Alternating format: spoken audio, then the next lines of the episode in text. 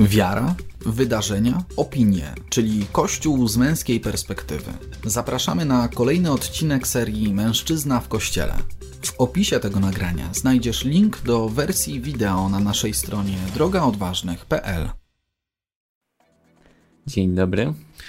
Dzień dobry, szczęść Boże, witamy serdecznie. Mamy nadzieję, że nas widać i słychać. Zdaje się, że tak, bo widzimy tutaj wskaźniki nam szaleją na ekranie, więc chyba, chyba dobrze jest. Niektórzy oczekujący oczekiwali na jakiś ekran, ale my stwierdziliśmy, że wejdziemy od razu Tak jest, od razu. z mężczyzną w kościele, dwoma mężczyznami Dwaj mężczyźni. z serca drogi odważnych, redakcji naszej, e, Michał Ziółkowski, Jarosław Kumor. bo się nie przedstawialiśmy jeszcze, jeżeli dobrze pamiętam. Czekaj, czekaj, zaraz wrzucę planszę, będzie napisane. O właśnie, No, to teraz już udokumentowane wszystko dokładnie, teraz już. Witamy. Nie wiadomo od czego zacząć. Tak, nie wiadomo od czego zacząć, to może zaczniemy od powitań. Tu jeszcze na Tak czacie jest. już widzimy, piszecie Artur jest, Mariusz jest, Pan Panda. E, Pod tym pseudonimem wiemy, kto się ukrywa, ale nie, Nie będziemy go zdradzać. zdradzać, Okej, niech będzie. Tak, dokładnie. Ja już kiedyś zdradziłem, ale może nie pamiętają. Może nie. Dziękujemy, że jesteście i zapraszamy na przegląd wydarzeń z kościoła z minionego tygodnia, a sporo się działo, bo pewne procesy e, ruszyły z kopyta. To znaczy, no, pierwsze, pierwsze o czym chyba warto wspomnieć, to y, śmierć jednego z y, bohaterów naszego, naszego ostatniego spotkania i w ogóle bo- bohaterów negatywnych ostatnich komentarzy, wydarzeń, opinii, y, bo tydzień temu mówiliśmy o, mm, o już wy, wydanym orzeczeniu watykańskim na temat e, kardynała Gulbinowicza zakończonym procesie ka- kanonicznym, e, któ- który przyniósł za sobą e, takie wobec niego kary, jak właśnie brak pogrzebu w archikatedrze we Wrocławiu, czy, czy wpłacenie jakiejś sumy pieniędzy na Fundację Świętego Józefa. Wszystko to związane z udowodnionymi czynami pedofilskimi, homoseksualnymi. Tak, Więc- no i okazuje się, że ta kara akurat jest bardzo aktualna. Bo, Okazuje się bardzo aktualna w tym tak, momencie. dlatego, tak. że kardynał Gulbinowicz e, zmarł w szpitalu, chorował już od dłuższego czasu i teraz właśnie e, zakończył to życie na ziemi tutaj. E, no ja miałem taką refleksję, no wiadomo, że teraz dużo się o kardynale Gulbinowiczu mówiło w kontekście tych oskarżeń e, i najpewniej coś jest na rzeczy, do tego trzeba, to jeszcze trzeba będzie zbadać, tak, czy też w ogóle odkryć, jak, jak było naprawdę. Mhm. Mm, Natomiast myślę, że tutaj już teraz e, kardynał jest poza zasięgiem ludzkiej sprawiedliwości, natomiast Boża sprawiedliwość jest bardziej pewna i, i e, nieunikniona, ale też e, pełna miłosierdzia, więc tutaj e, miałem taką refleksję, że e, no tutaj musimy pamiętać o dobrym Łotrze też z krzyża Mhm, mhm. który owszem, no, poniósł tę karę na ziemi za swoje życie, za swoje grzeszne czyny, natomiast także dostąpił zbawienia.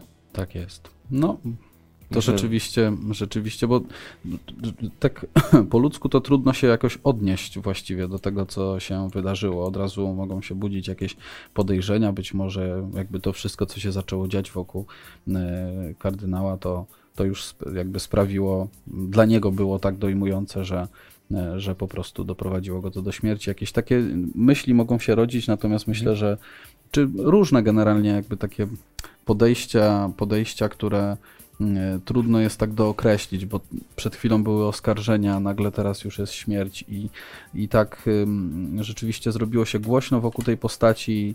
Teraz myślę, że to wszystko już ym, ucichnie, ucichnie bardzo szybko, a, a jednak obraz e, całości życia czy całości tych czynów, które, które tutaj zostały, zostały w jakiś sposób no, ujawnione, e, to pokazuje, że to rzeczywiście długi bardzo proceder i bardzo haniebny po prostu. Mhm. Natomiast to odwołanie do e, tego już wymiaru wiecznego jest tutaj, myślę, jedynym właściwym tak naprawdę w tym momencie. E, I, i Pan Bóg po prostu e, w swojej sprawiedliwości i miłosierdziu bierze już kardynała tutaj do siebie. Tak to chyba możemy e, określić. No i trudno, trudno, no trudno, oczywiście my z ziemskiej perspektywy jesteśmy tacy malutcy, żeby cokolwiek tutaj hmm. mówić na ten temat, co ja po myślę, tamtej stronie się dzieje. Tak, nie? ja myślę, że tutaj problem akurat jest, e, jeżeli dochodzi do takich sytuacji z takim e, ludzkim pragnieniem sprawiedliwości. Mhm, tak jest. Że my chcielibyśmy teraz tutaj właśnie zobaczyć, że kardynał został przykładnie ukarany. Zresztą został przez Watykan mhm. ukarany. E, no natomiast musimy tutaj pamiętać o tym, że jesteśmy też ludźmi grzesznymi mm, i bardzo często z nas, we mnie bardzo często się rodzi takie pragnienie, no to teraz e, takiej zemsty trochę, nie? Mhm. No to teraz trzeba odpłacić, a jako chrześcijanie no, odpłacamy miłością na zło. I to myślę, że dla nas bardzo ważna lekcja. Dla mnie bardzo ważna, bo tutaj też właśnie nieraz przyłapywałem się na takich myślach, e, no, e, właśnie, e, które gdzieś odbierały ten wymiar miłosierdzia kardynałowi Gulbinowiczowi, nie? Że, że gdzieś zacząłem na niego patrzeć bardzo tak przez pryzmat tylko tego jednego wydarzenia, nie? -hmm. A to przecież całe życie ludzkie, tak? Wiadomo, że czyn jest czynem, zło jest złem, które się dokonało i za to zło trzeba odpokutować, to zło trzeba nazwać po imieniu, nie? Natomiast tutaj Pan Bóg zna nasze czyny, Pan Bóg e, zna całe nasze życie i to On najlepiej osądza. Tak jest. Zapraszamy Was do tego, żebyście się dzielili oczywiście, jak zawsze, e, swoimi spostrzeżeniami, swoimi komentarzami.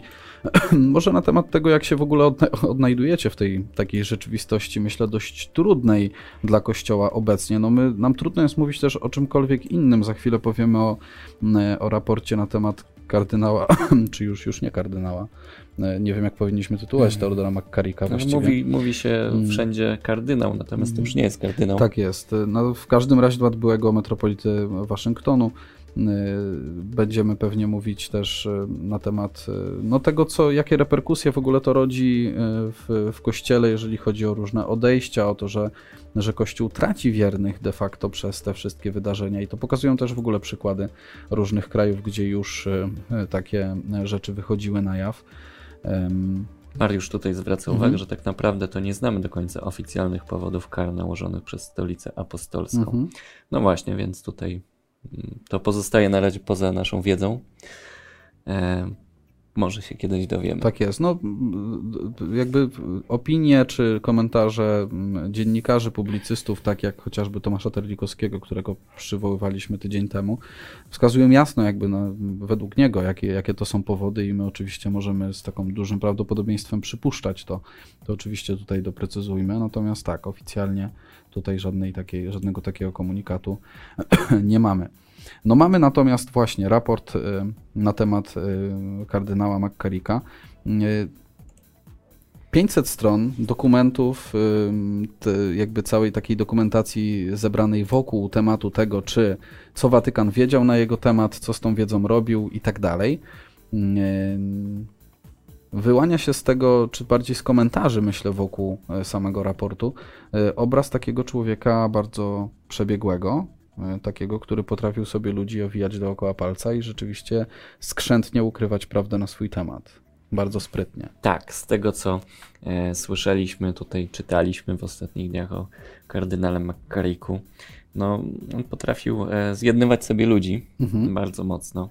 Był też e, wykorzystywany e, w tych celach przez watykańską dyplomację, przez amerykańską dyplomację do różnych misji państwowych wręcz. Więc, więc tutaj no, to człowiek, który e, jako dyplomata potrafił właśnie, myślę, tutaj sprawnie poruszać się mhm. w różnych środowiskach, kręgach towarzyskich. Natomiast no, w pewnym momencie pojawiły się wokół niego zarzuty, kiedy miał być nominowany na biskupa. To pierwsza nominacja, zdaje się, była jeszcze w latach 70., mm, tak? Czy 80., tak, na, na mm. biskupa pomocniczego w Nowym Jorku. Mhm. Tak. Eee, o. Zniknął nam obraz, czyżby? Chwilowo zniknął nam obraz, ale już jesteśmy. E, tak, takie niespodziewane. Być może mieliśmy to wyciąć, Jarku. Może, może. Może wiem. FBI nas Z tym nowym, z tym nowym Jorkiem, nie wiem. No, kurczę. Dobrze. E, Wracając do kardynała, byłego kardynała McCarricka, e, pojawiły się zarzuty pewne w latach 70., jeszcze 80., zarzuty o homoseksualizm, bo to nie były mhm. zarzuty jeszcze o pedofilię. E, I to były też anonimowe donosy w dużej mierze, które gdzieś były przez stolicę apostolską sprawdzane, weryfikowane różnymi kanałami, drogami, natomiast nigdzie nie znalazły potwierdzeń.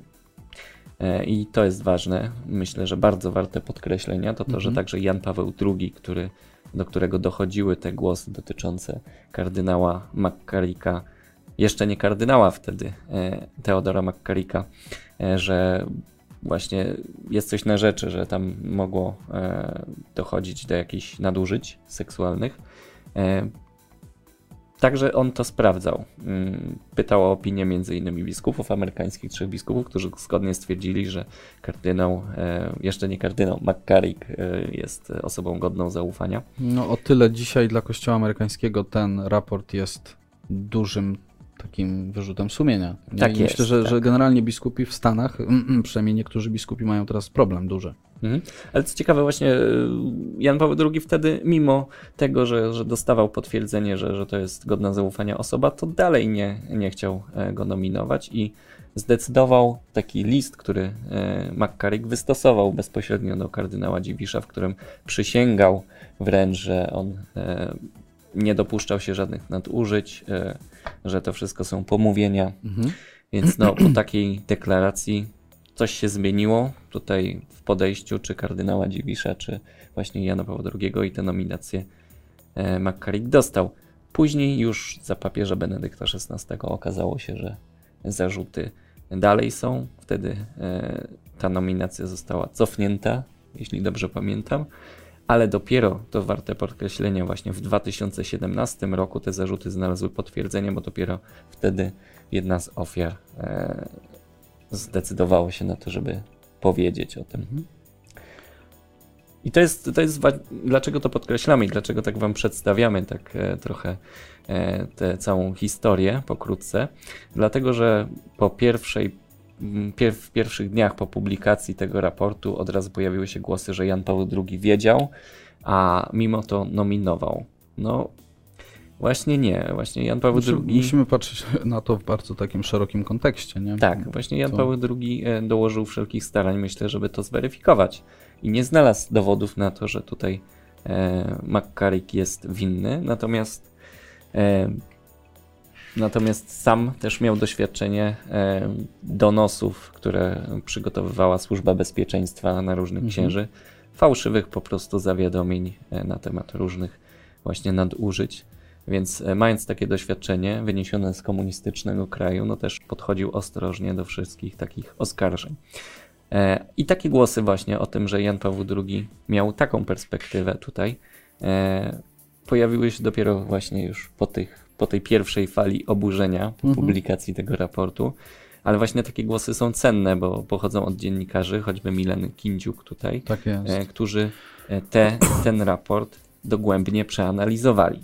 Tego... Milena Kindziuk z kolei, pani doktor Milena Kindziuk z UKSW, to jest mm, biograf Jana Pawła II, więc myślę, że też osoba, która, no wiadomo, człowiek kościoła, Mhm. I to może dla, dla osób, jakby, którzy podnoszą tak mocno głos o dekanonizacji, to może być niewiarygodne zupełnie źródło. Natomiast no, trzeba powiedzieć, że to jest osoba, która ma absolutnie rzetelną wiedzę na temat życia Jana Pawła II, która znała te sprawy, zanim w ogóle raport się ukazał i, i wszystkie te e, zarzuty zaczęły się pojawiać. Ja chciałbym zacytować e, fragment tego tekstu, e, gdzie, gdzie dr Milena Kindziuk się wypowiada dla portalu RMF24. Myślę, że to nam pokazuje też dużo tutaj, jakby daje takie, takiego szerszego pola widzenia na całą sprawę.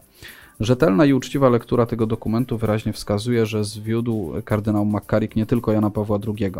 Przez długi czas, nawet po śmierci Jana Pawła II, nie wychodziły na jaw konkretne oskarżenia wobec niego.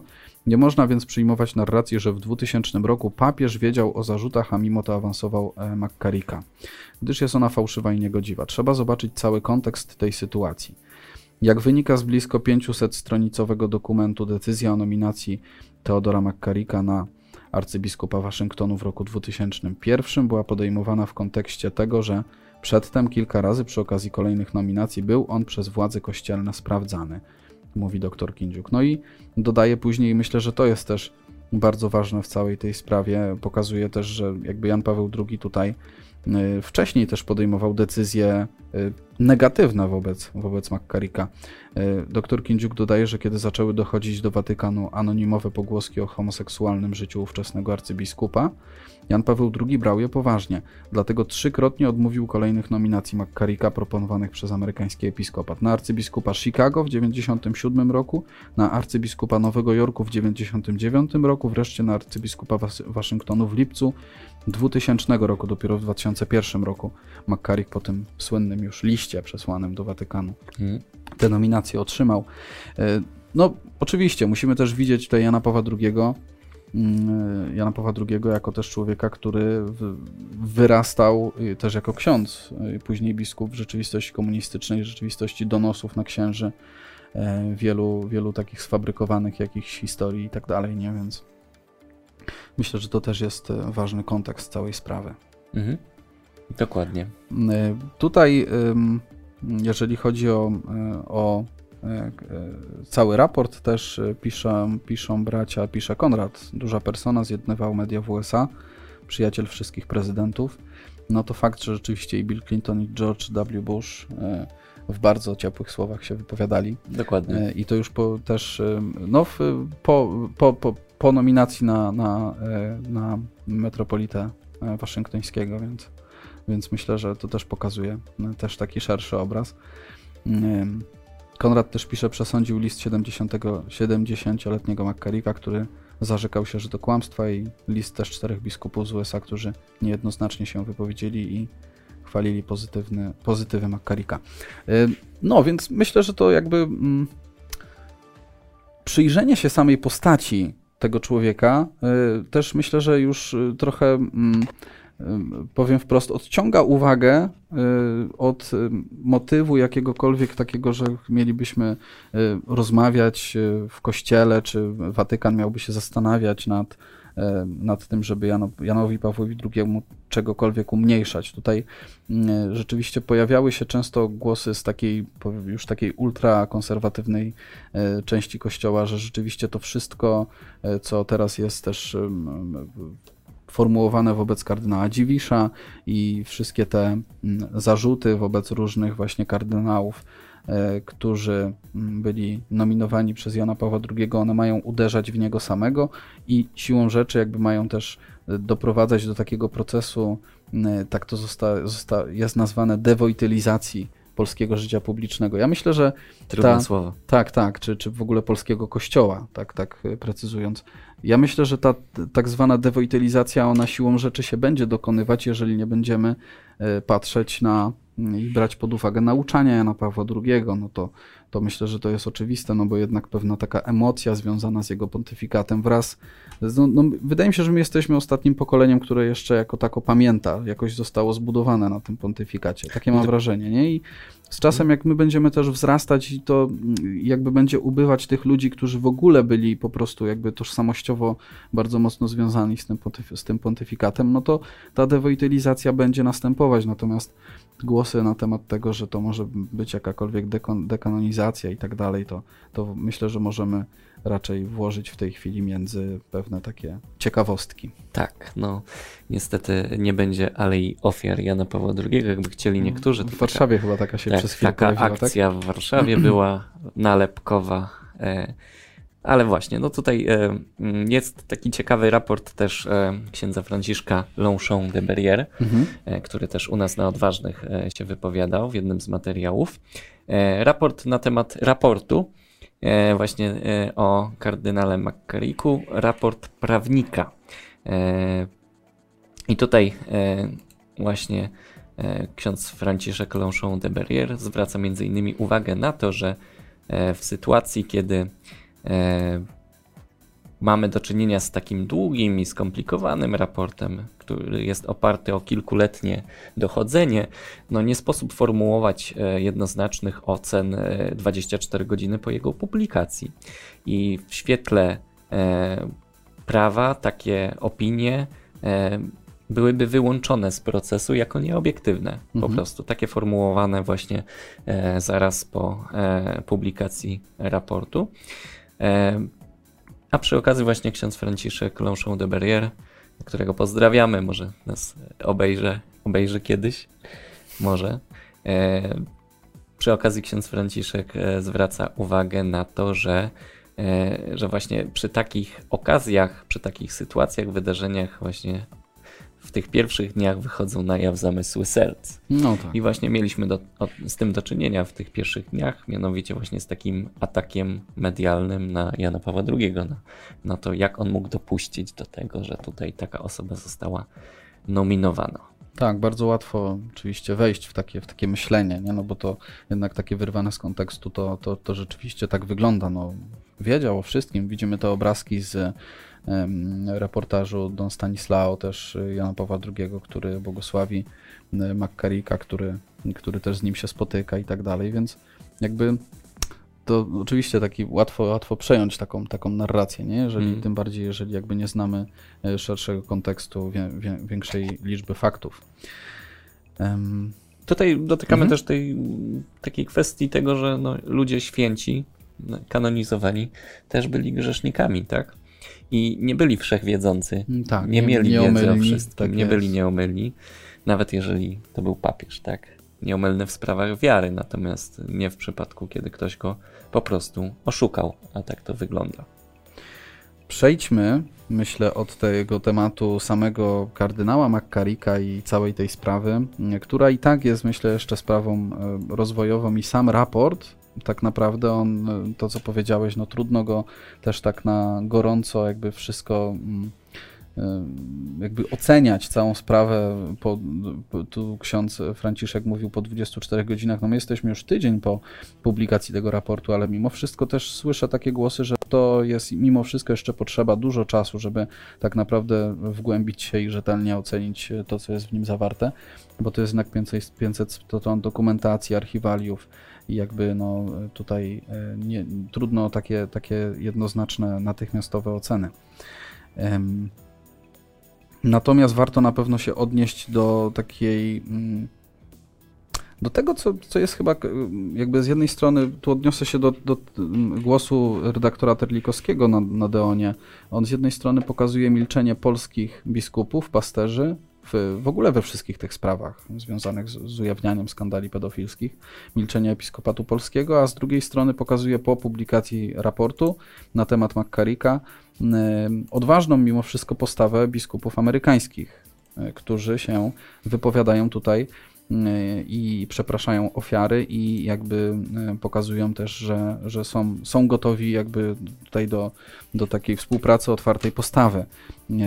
E, też myślę, że najlepiej będzie przytoczyć ten fragment. E, redaktor Terlikowski mm, cytuje tutaj metropolitę Waszyngtonu, kardynała, tak? Kardynała, tak, e, e, Wiltona Gregorego, e, który mówi słowa następujące. Serce boli mnie z powodu wszystkich, którzy będą zszokowani, zasmuceni, zgorszeni i rozgniewani informacjami zawartymi w raporcie.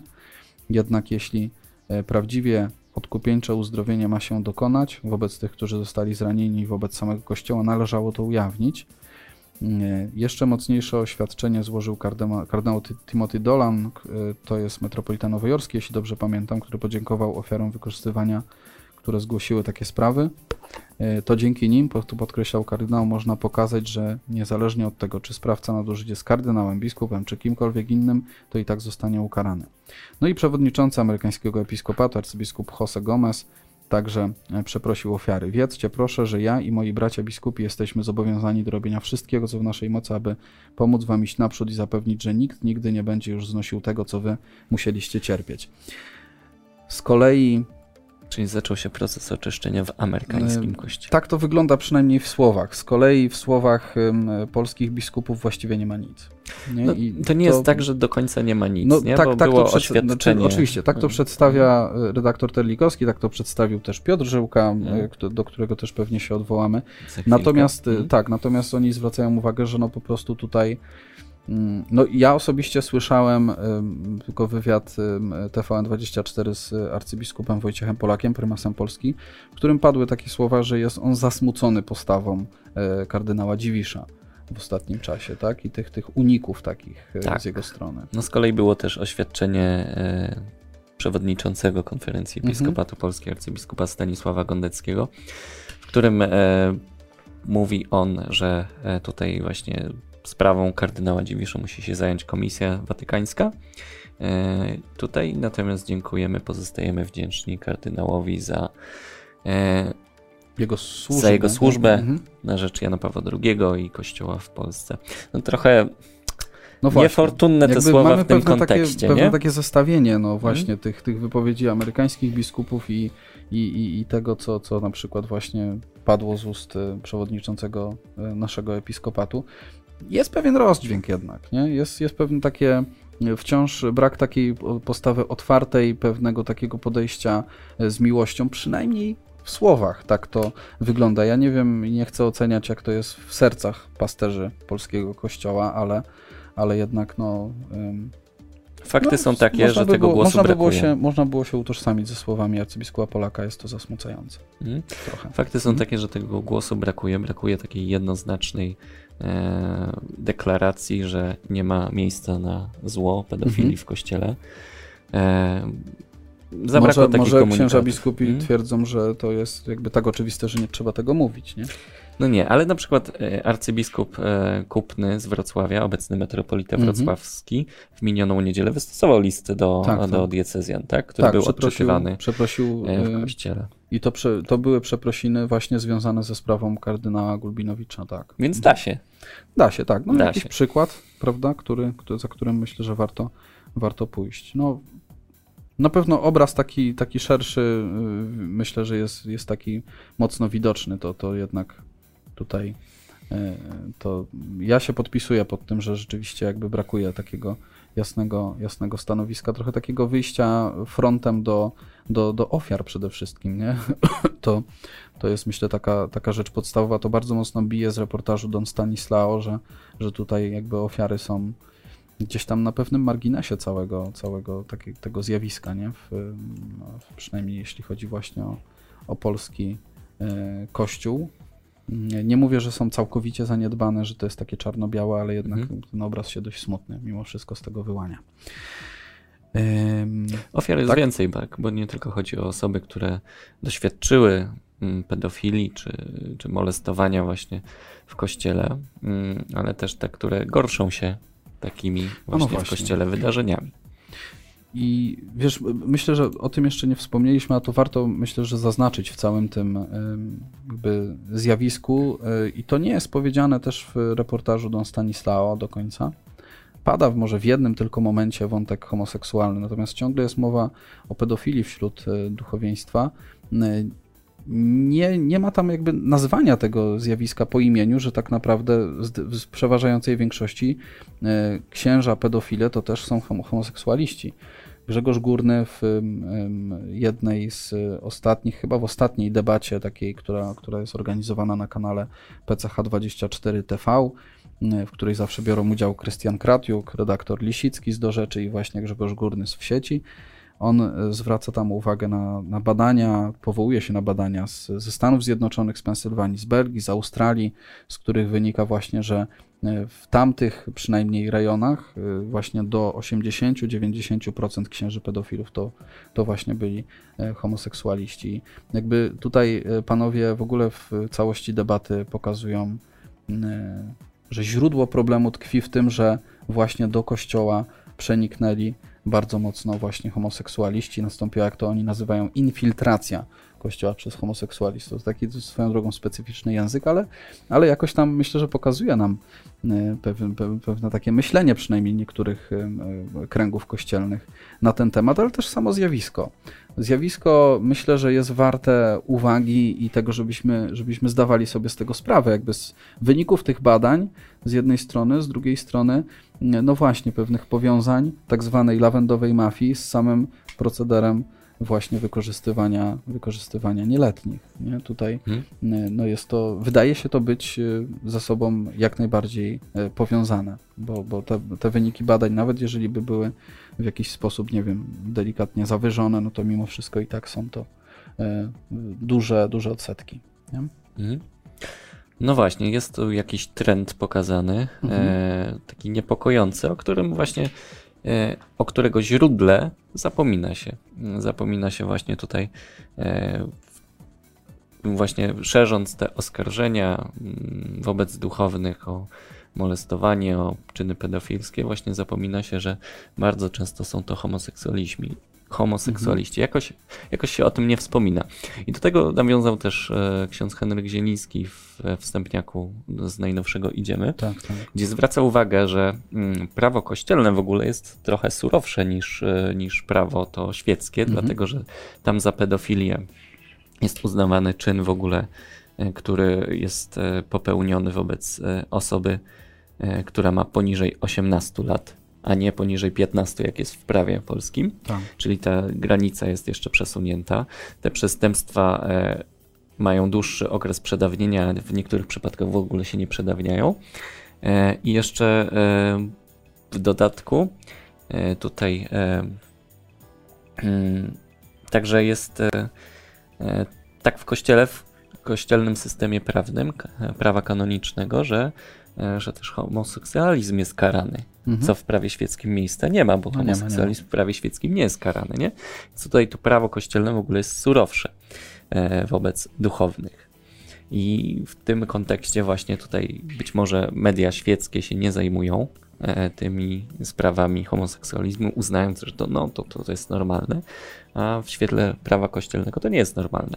Znaczy, no wiesz, jakby mm, ze strony tych, tych debatujących, o których wcześniej mówiłem, myślę, że mm, domysł był bardzo prosty. Po prostu y, y, Krystian Kratiuk określił to w taki sposób, że no, jakby y, twórcy czy twórca reportażu Don Stanislaus takim odpowiednim rozmysłem tutaj zbalansowali te, te dwa zjawiska, pedofilia i homoseksualizm, nie chcąc tutaj wysuwać na, na pierwszy plan homoseksualizmu, właśnie też y, nie chcąc jakoś potępiać samego, samego homoseksualizmu, raczej uderzając w wątki, w wątki pedofilskie. Więc musimy też patrzeć, myślę, z takim y, odpowiednim nastawieniem, odpowiednim rozmysłem na, na to, jak świeckie media próbują Kościół rozliczać i żebyśmy byli w tym rzeczywiście uczciwi, że tutaj obydwa zjawiska są bardzo ściśle ze sobą powiązane, tak przynajmniej z badań wynika. No i, no i myślę, Ksiądz że to, to nam w tym poszerza, poszerza obraz. Ksiądz mhm. W tym wstępniaku stwierdza wprost, że jeżeli nie zajmiemy się takim oczyszczeniem Kościoła właśnie z osób o skłonnościach homoseksualnych, homoseksualnych którzy, które te skłonności też e, przeradzają w czyny, no to nie będzie prawdziwego oczyszczenia Kościoła. Mhm.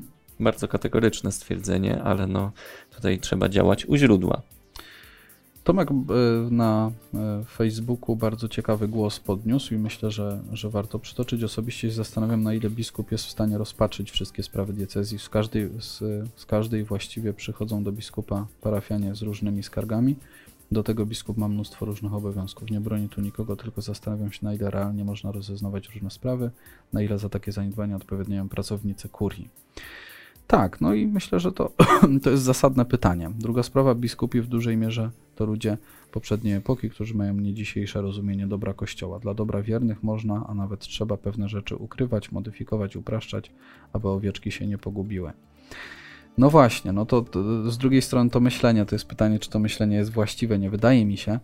E, natomiast, e, natomiast czy jest, jest właściwe? Natomiast e, no, temat, temat samej, samej kurii, organizacji, jakby pracy pewnej i tak dalej, jakby tego, kto rzeczywiście w kurii odpowiada za, za przyjmowanie pewnych zgłoszeń, jak to jest później rozpatrywane i czy to trafia w ogóle do biskupa, jeżeli trafia, to w jakiej formie i tak dalej. No, to oczywiście jest jeszcze osobna, osobna sprawa. Natomiast no, jeżeli ma, ma się to w jakiś sposób uzdrowić, no to myślę, że powinno się to e, uzdrowić od góry.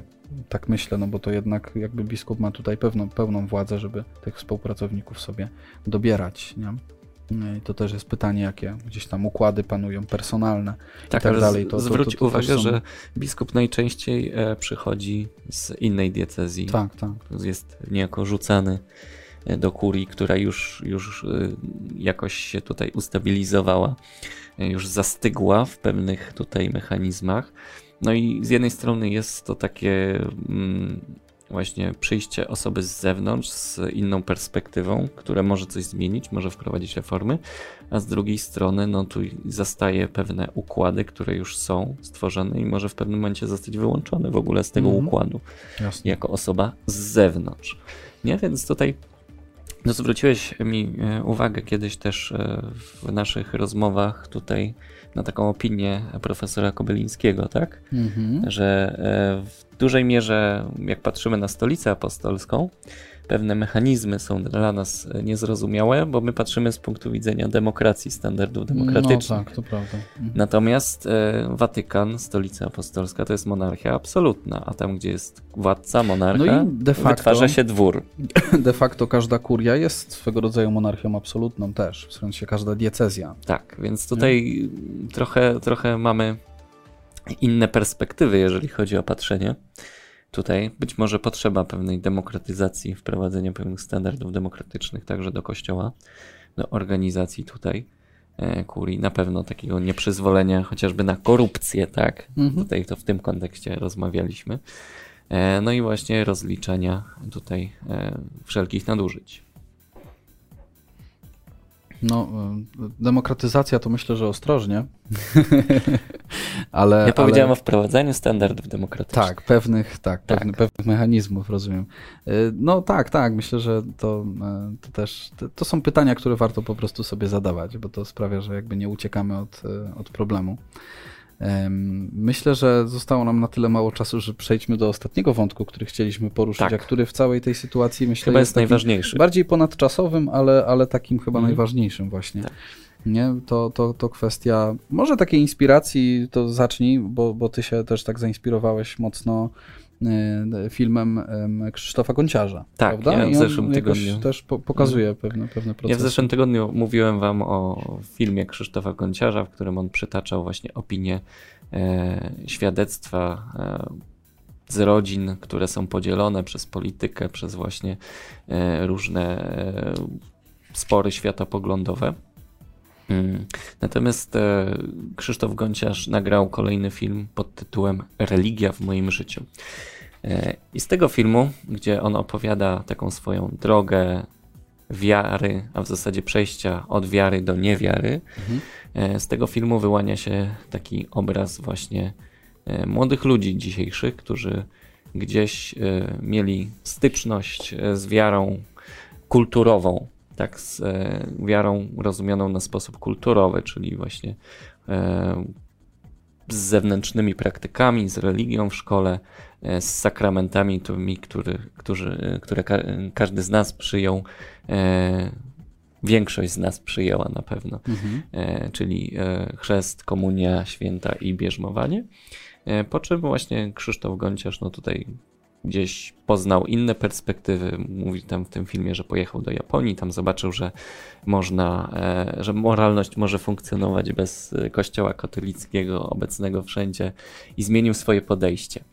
E, Myślę, że, że tutaj jest to taki bardzo symptomatyczny obraz dla, dla tego pokolenia. Znaczy ob, takie zebranie trochę w całość zdecydowanej większości przypadków y, osób, które właśnie, dla których bierzmowanie jest sakramentem rzeczywiście pożegnania się z kościołem. Tak, jest takie Mm, określenie, że to Trochę pożegnanie się. opowiedział swoją historię. Ja myślę, że bardzo, bardzo wielu młodych ludzi w Polsce by się odnalazło Mhm. e, w tej, w tej historii.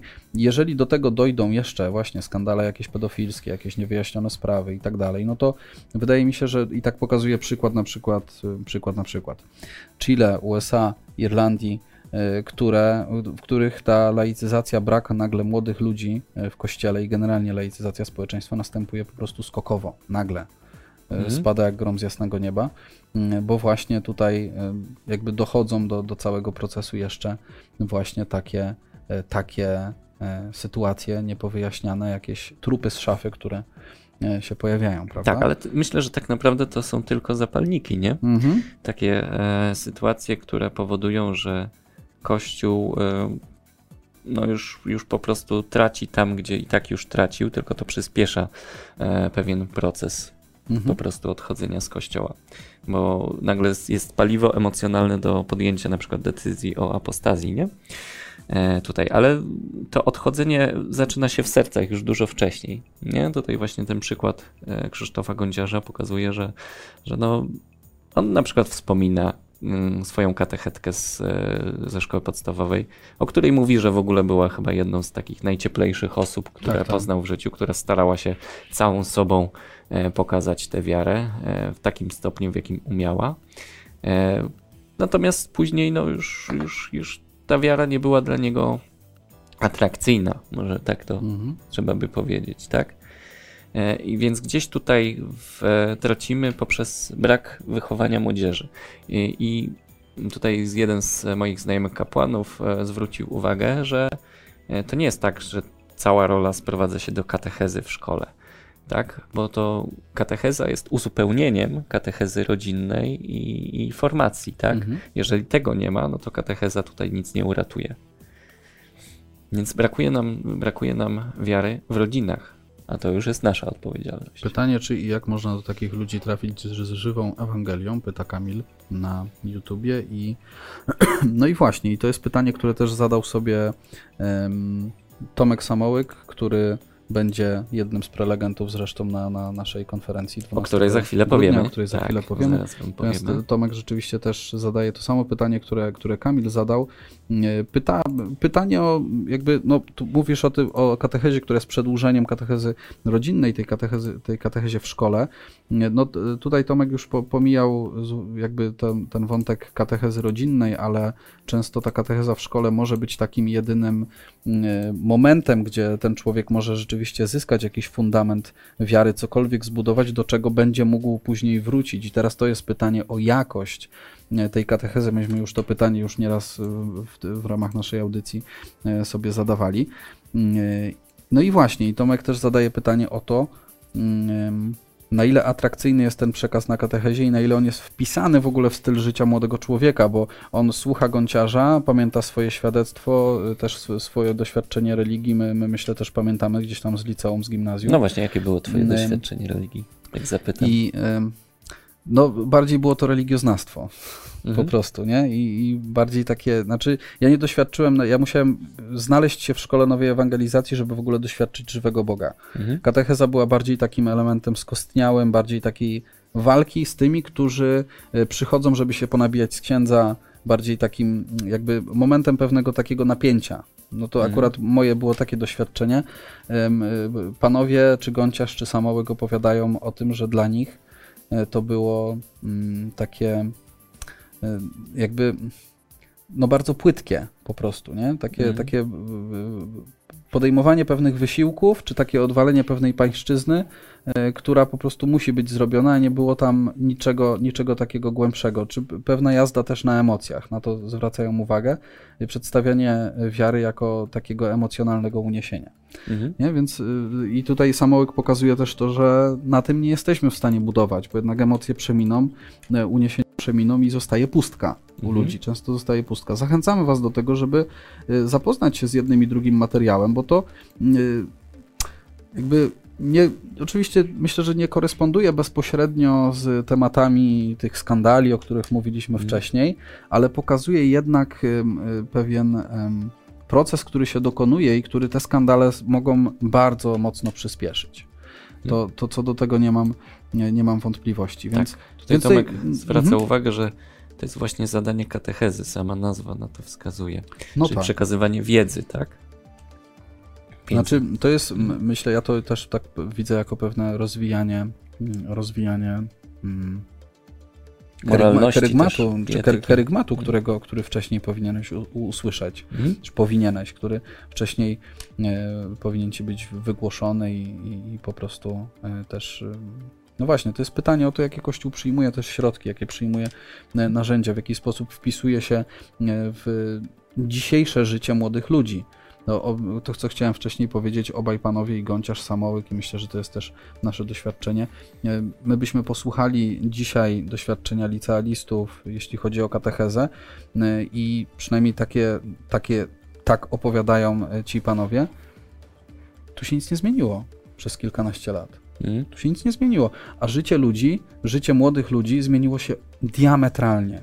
Tak. Myślę, kiedy popatrzymy na nasze mm. życie jako nastolatków i dzisiejsze życie, kiedy ja y, spotykam się chociażby z moją rodziną, z, z, mo, z moimi jakimiś kuzynami, ich dziećmi, to w ogóle to jest nieba ziemia. Nie mówię, że nasze było wspaniałe, a to jest złe, tylko mm. w tym sensie, że jest to tak wielka różnica. Nie? Tak, różnica jest e, znaczna. I e, też e, Kościół, jak to w innym filmie Tomasza Samułka było powiedziane, w takiej dyskusji z Szymonem Pękalą, no Kościół przegrywa z Netflixem, mm -hmm, tak, dzisiaj. Mm -hmm. To akurat była fajna dyskusja, też wam polecam, na temat kultury w ogóle katolickiej. Dlaczego Kościół mm, przegrywa w tej przestrzeni kultury, kiedy to właśnie kultura formuje postawy E, i formuje też w dużej tak mierze moralność, tak? Mhm. E, I tutaj obaj e, rozmówcy doszli do wniosku, że, że no właśnie Kościół za mało robi, czy też w ogóle za mało się robi obecnie, żeby promować wartości w ogóle no tak. E, wartości nie nazywane takie, jako Nie nazywane jako chrześcijańskie, tak? Tylko e, na przykład e, przez robienie takich filmów jak choćby Przełęcz Ocalonych tam wspomniana, kiedy ten wątek religijny głównego bohatera, wątek wiary jest gdzieś tam na boku zostawiony, a na pierwszym planie jest jego postawa moralna pokazana. Także za mało się dzisiaj takich filmów robi, a to właśnie jest. E, no jest pewna metoda, sposób na to, żeby po prostu. Na tym się kogoś też, młodzi ludzie. Tak, ale kogo, i właśnie takiego młodego człowieka nie odepchnąć od razu tym, że to jest chrześcijańskie, że to jest tak od razu nazwane i że to jest związane jakoś z religią, bo jednak im religia się kojarzy młodym ludziom dzisiaj, myślę. I nam też się kojarzyła, myślę, mi się kojarzyła do pewnego momentu religia z systemem nakazów i zakazów. E, I jakby ja musiałem usłyszeć na przykład księdza Pawlukiewicza, który mi powiedział przez swoje kazania gdzieś na YouTubie czy na płytach, dlaczego czystość, dlaczego, dlaczego homoseksualizm nie, na przykład, dlaczego różne inne e, zjawiska, które gdzieś tam związane z ciałem, z seksualnością, jakby dla młodych ludzi, no nie oszukujmy się, 16-latek i, i, i powiedzmy do momentu gdzieś tam dwudziestu kilku lat jest rozbuchany seksualnie, więc to jest też mm. jakby bycie takich tych osób w kościele często często jest jakoś powiązane z tą sferą bardzo mocno, nie? I z pytaniami o tą sferę. Kościół, dopóki nie będzie miał dobrych odpowiedzi na te pytania, dopóki to nie będzie, jak tu mówił zresztą chyba e, też Samołek, nie będzie cała machina tak naprawdę uruchomiona, a nie tylko kilku poszczególnych pasterzy w to zaangażowanych, cała machina uruchomiona, no to my odpowiedzi na te pytania młodym ludziom nie będziemy w stanie dać po prostu, nie? Dlaczego? Dlaczego czystość? Tak. Kamil no? jeszcze zauważa, że póki jest katecheza, można jeszcze do tych ludzi mówić cokolwiek. Potem nie ma już mhm. miejsc, w których szuka się sposobu dotarcia do młodych dorosłych. No właśnie, ten sakrament bierzmowania, już powiedzieliśmy, to jest taki mm, sakrament pożegnania z Kościołem, tak, bo ci młodzi ludzie gdzieś odpływają, jeżeli na studiach na przykład nie trafią do wspólnoty akademickiej, gdzie tam e, spotykają innych wierzących e, właśnie i żywego Boga, miejmy mhm. nadzieję, no to no to po prostu się gubią życiowo, odpływają, stają się zlaicyzowani. No Tomek Kapela za, za, zadaje pytania o w ogóle zasadność e, tak, katechezy w ogóle tego, że to, to szkoła realizuje.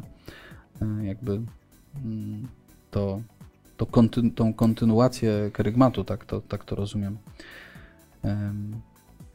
No, to w ogóle temat na zupełnie inną dyskusję. Tak, tak musimy myślę. chyba zrobić oddzielny odcinek o tym. Mhm. tak, znaczy zaprosimy może jakiegoś Ilekroć, tak, ilekroć, no to Mariusz był przez pewien czas katechetą, to już się wypowiadał trochę, ale kogoś praktykującego tak, na kogoś praktykującego e, spróbujemy zaprosić. Musimy kończyć, bo też czas oczywiście nas, nas goni, żebyśmy się też za bardzo nie rozgadali. Te tematy związane z młodzieżą, związane z katechezą i z przekazem wiary też, pewnym takim fundamentem, który, który temu młodemu kościołowi e, po prostu trzeba dać, choć sami się nadal, myślę, czujemy młodym kościołem też, ale może to tym bardziej jest nasze zadanie, e, to, to, to są tematy, które e, zabierają nam zawsze sporo czasu. Myślę, że konkluzją dla nas powinno być to i musi być to, że po prostu patrzmy e, w całej tej, w całym tym ambarasie też skandali pedofilskich i tego, że widzimy um, laicyzację wśród młodych mhm. ludzi i w ogóle wśród może naszych rówieśników też.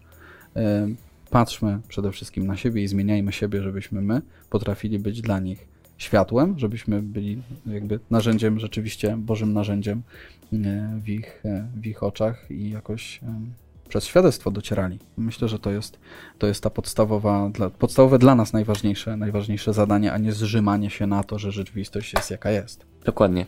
I tutaj mamy dla Was pewną propozycję. Już Jarek tutaj wspominał o pewnej konferencji, e, którą szykujemy 12 grudnia i na którą Was już serdecznie teraz zapraszamy. Was jako pierwszych tutaj przy okazji. Tak jest. Jeszcze nie promowaliśmy e, tak, tak którzy, publicznie. Którzy oglądacie.